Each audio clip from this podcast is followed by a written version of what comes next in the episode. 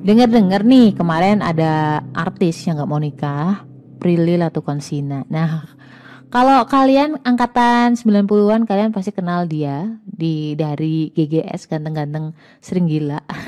ganteng-ganteng serigala. Itu banyak banget uh, YouTube eh channel YouTube yang akhirnya ngebahas itu dengan judul-judul Prilly Latukonsina nggak mau nikah, aku shock gitu dan lain sebagainya lah yang senada gitu. Asyam banget karena aku berasa tertipu gitu. Assalamualaikum warahmatullahi wabarakatuh. Hai, ini Ria, kamu lagi ada di podcast Self Healing Podcastmu yang sedang belajar berdamai dengan luka melalui psikologi Islam.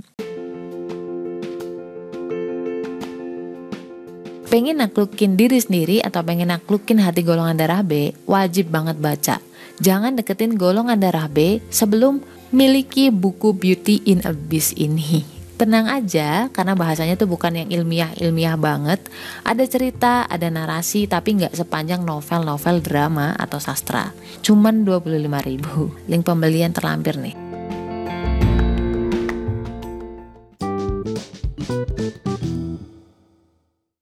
Apa tertipu apa? Tertipu sama judul karena arti eh setelah dikonfirmasi ditabayunkan itu bukan artinya dia nggak mau nikah selamanya tetapi belum kepikiran menikah di dalam waktu dekat ini. Kamu bisa cek klarifikasinya di channelnya boy. Ya gue jadi ngiklan deh. For your information Prilly itu golongan darah O Yang mana ketika dia sering dicurhatin oleh teman-temannya tentang kegagalan pernikahan Dia jadi overthinking sendiri gitu.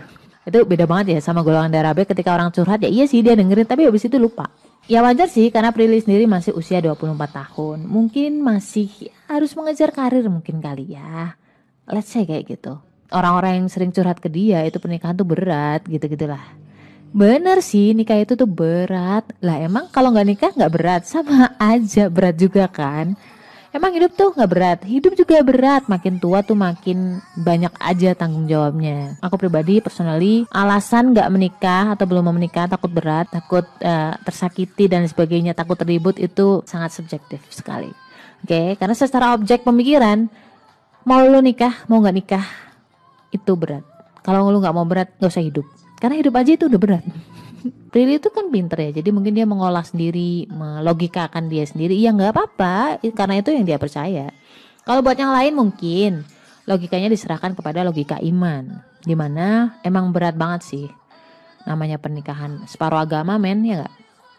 Tapi Allah menyuruh sesuatu pasti ada sesuatu yang baik ya nggak? Bukan sekedar untuk reproduksi. Nah sekarang logika manusia itu kan sangat subjektif ya Nyatanya kalau misalkan nih aku seorang ateis, kita berpikir logika seorang ateis nih ya. Misalkan separuh penduduk dunia memilih untuk tidak menikah, untuk tidak punya anak, gimana dengan keberlangsungan kehidupan manusia sebagai khalifah di dunia ini? Asik. Dan sudah terbuktikan bahwa di Jepang Jepang itu bangsa mereka itu terancam punah karena banyak generasi muda mereka nggak mau nikah dan nggak punya dan nggak mau punya anak. Terkonfirm juga dari bos gue yang orang Jepang Kembali lagi ke pilihan masing-masing. Semua akan memilih atas dasar yang mereka percayai. Ya, dan kita nggak bisa maksain seseorang mempercayai seperti apa yang kita percayai. Dan kamu coba lihat di Al-Baqarah 256. Allah bilang bahwa tidak ada paksaan dalam menganut agama Islam. Sesungguhnya telah jelas perbedaan antara jalan yang benar dengan jalan yang sesat. Allah saja yang punya kuasa kun fayakun nih ya. Dia Allah bisa aja membuat seluruh penduduk di dunia ini menjadi muslim. Ya kan?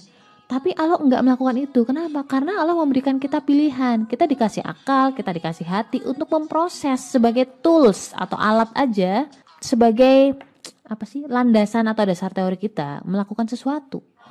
That's the point. Nah, apalah kita, apalah kita, apalagi kita yang kita juga makhluk gitu. Jadi kita nggak punya kuasa atau nggak punya hak untuk memaksakan pilihan orang apalagi agama-agama aja yang mendasar aja kita nggak bisa gitu nggak boleh. Apalagi pilihan-pilihan kayak gitu biarkan aja. Karena apa? Karena pilihan setiap kita itu akan dipertanggungjawabkan kelak di akhirat. Itu yang akan jadi pertanggungjawaban nanti. Jadi hati-hati dalam memilih pilih yang sesuai dengan aturan Allah karena seberat apa pun Allah pasti akan bantu kita. Jangan takut sesuatu karena akan jadi berat. Jangan diem atau nggak mau bergerak karena takut nanti akan berat gitu lu nggak bergerak pun itu juga berat. Sama-sama berat mending milih sesuatu yang memang Allah pilihkan. Karena apa? Ada Allah di situ. So apa pun pilihanmu minumnya stay love and assalamualaikum warahmatullahi wabarakatuh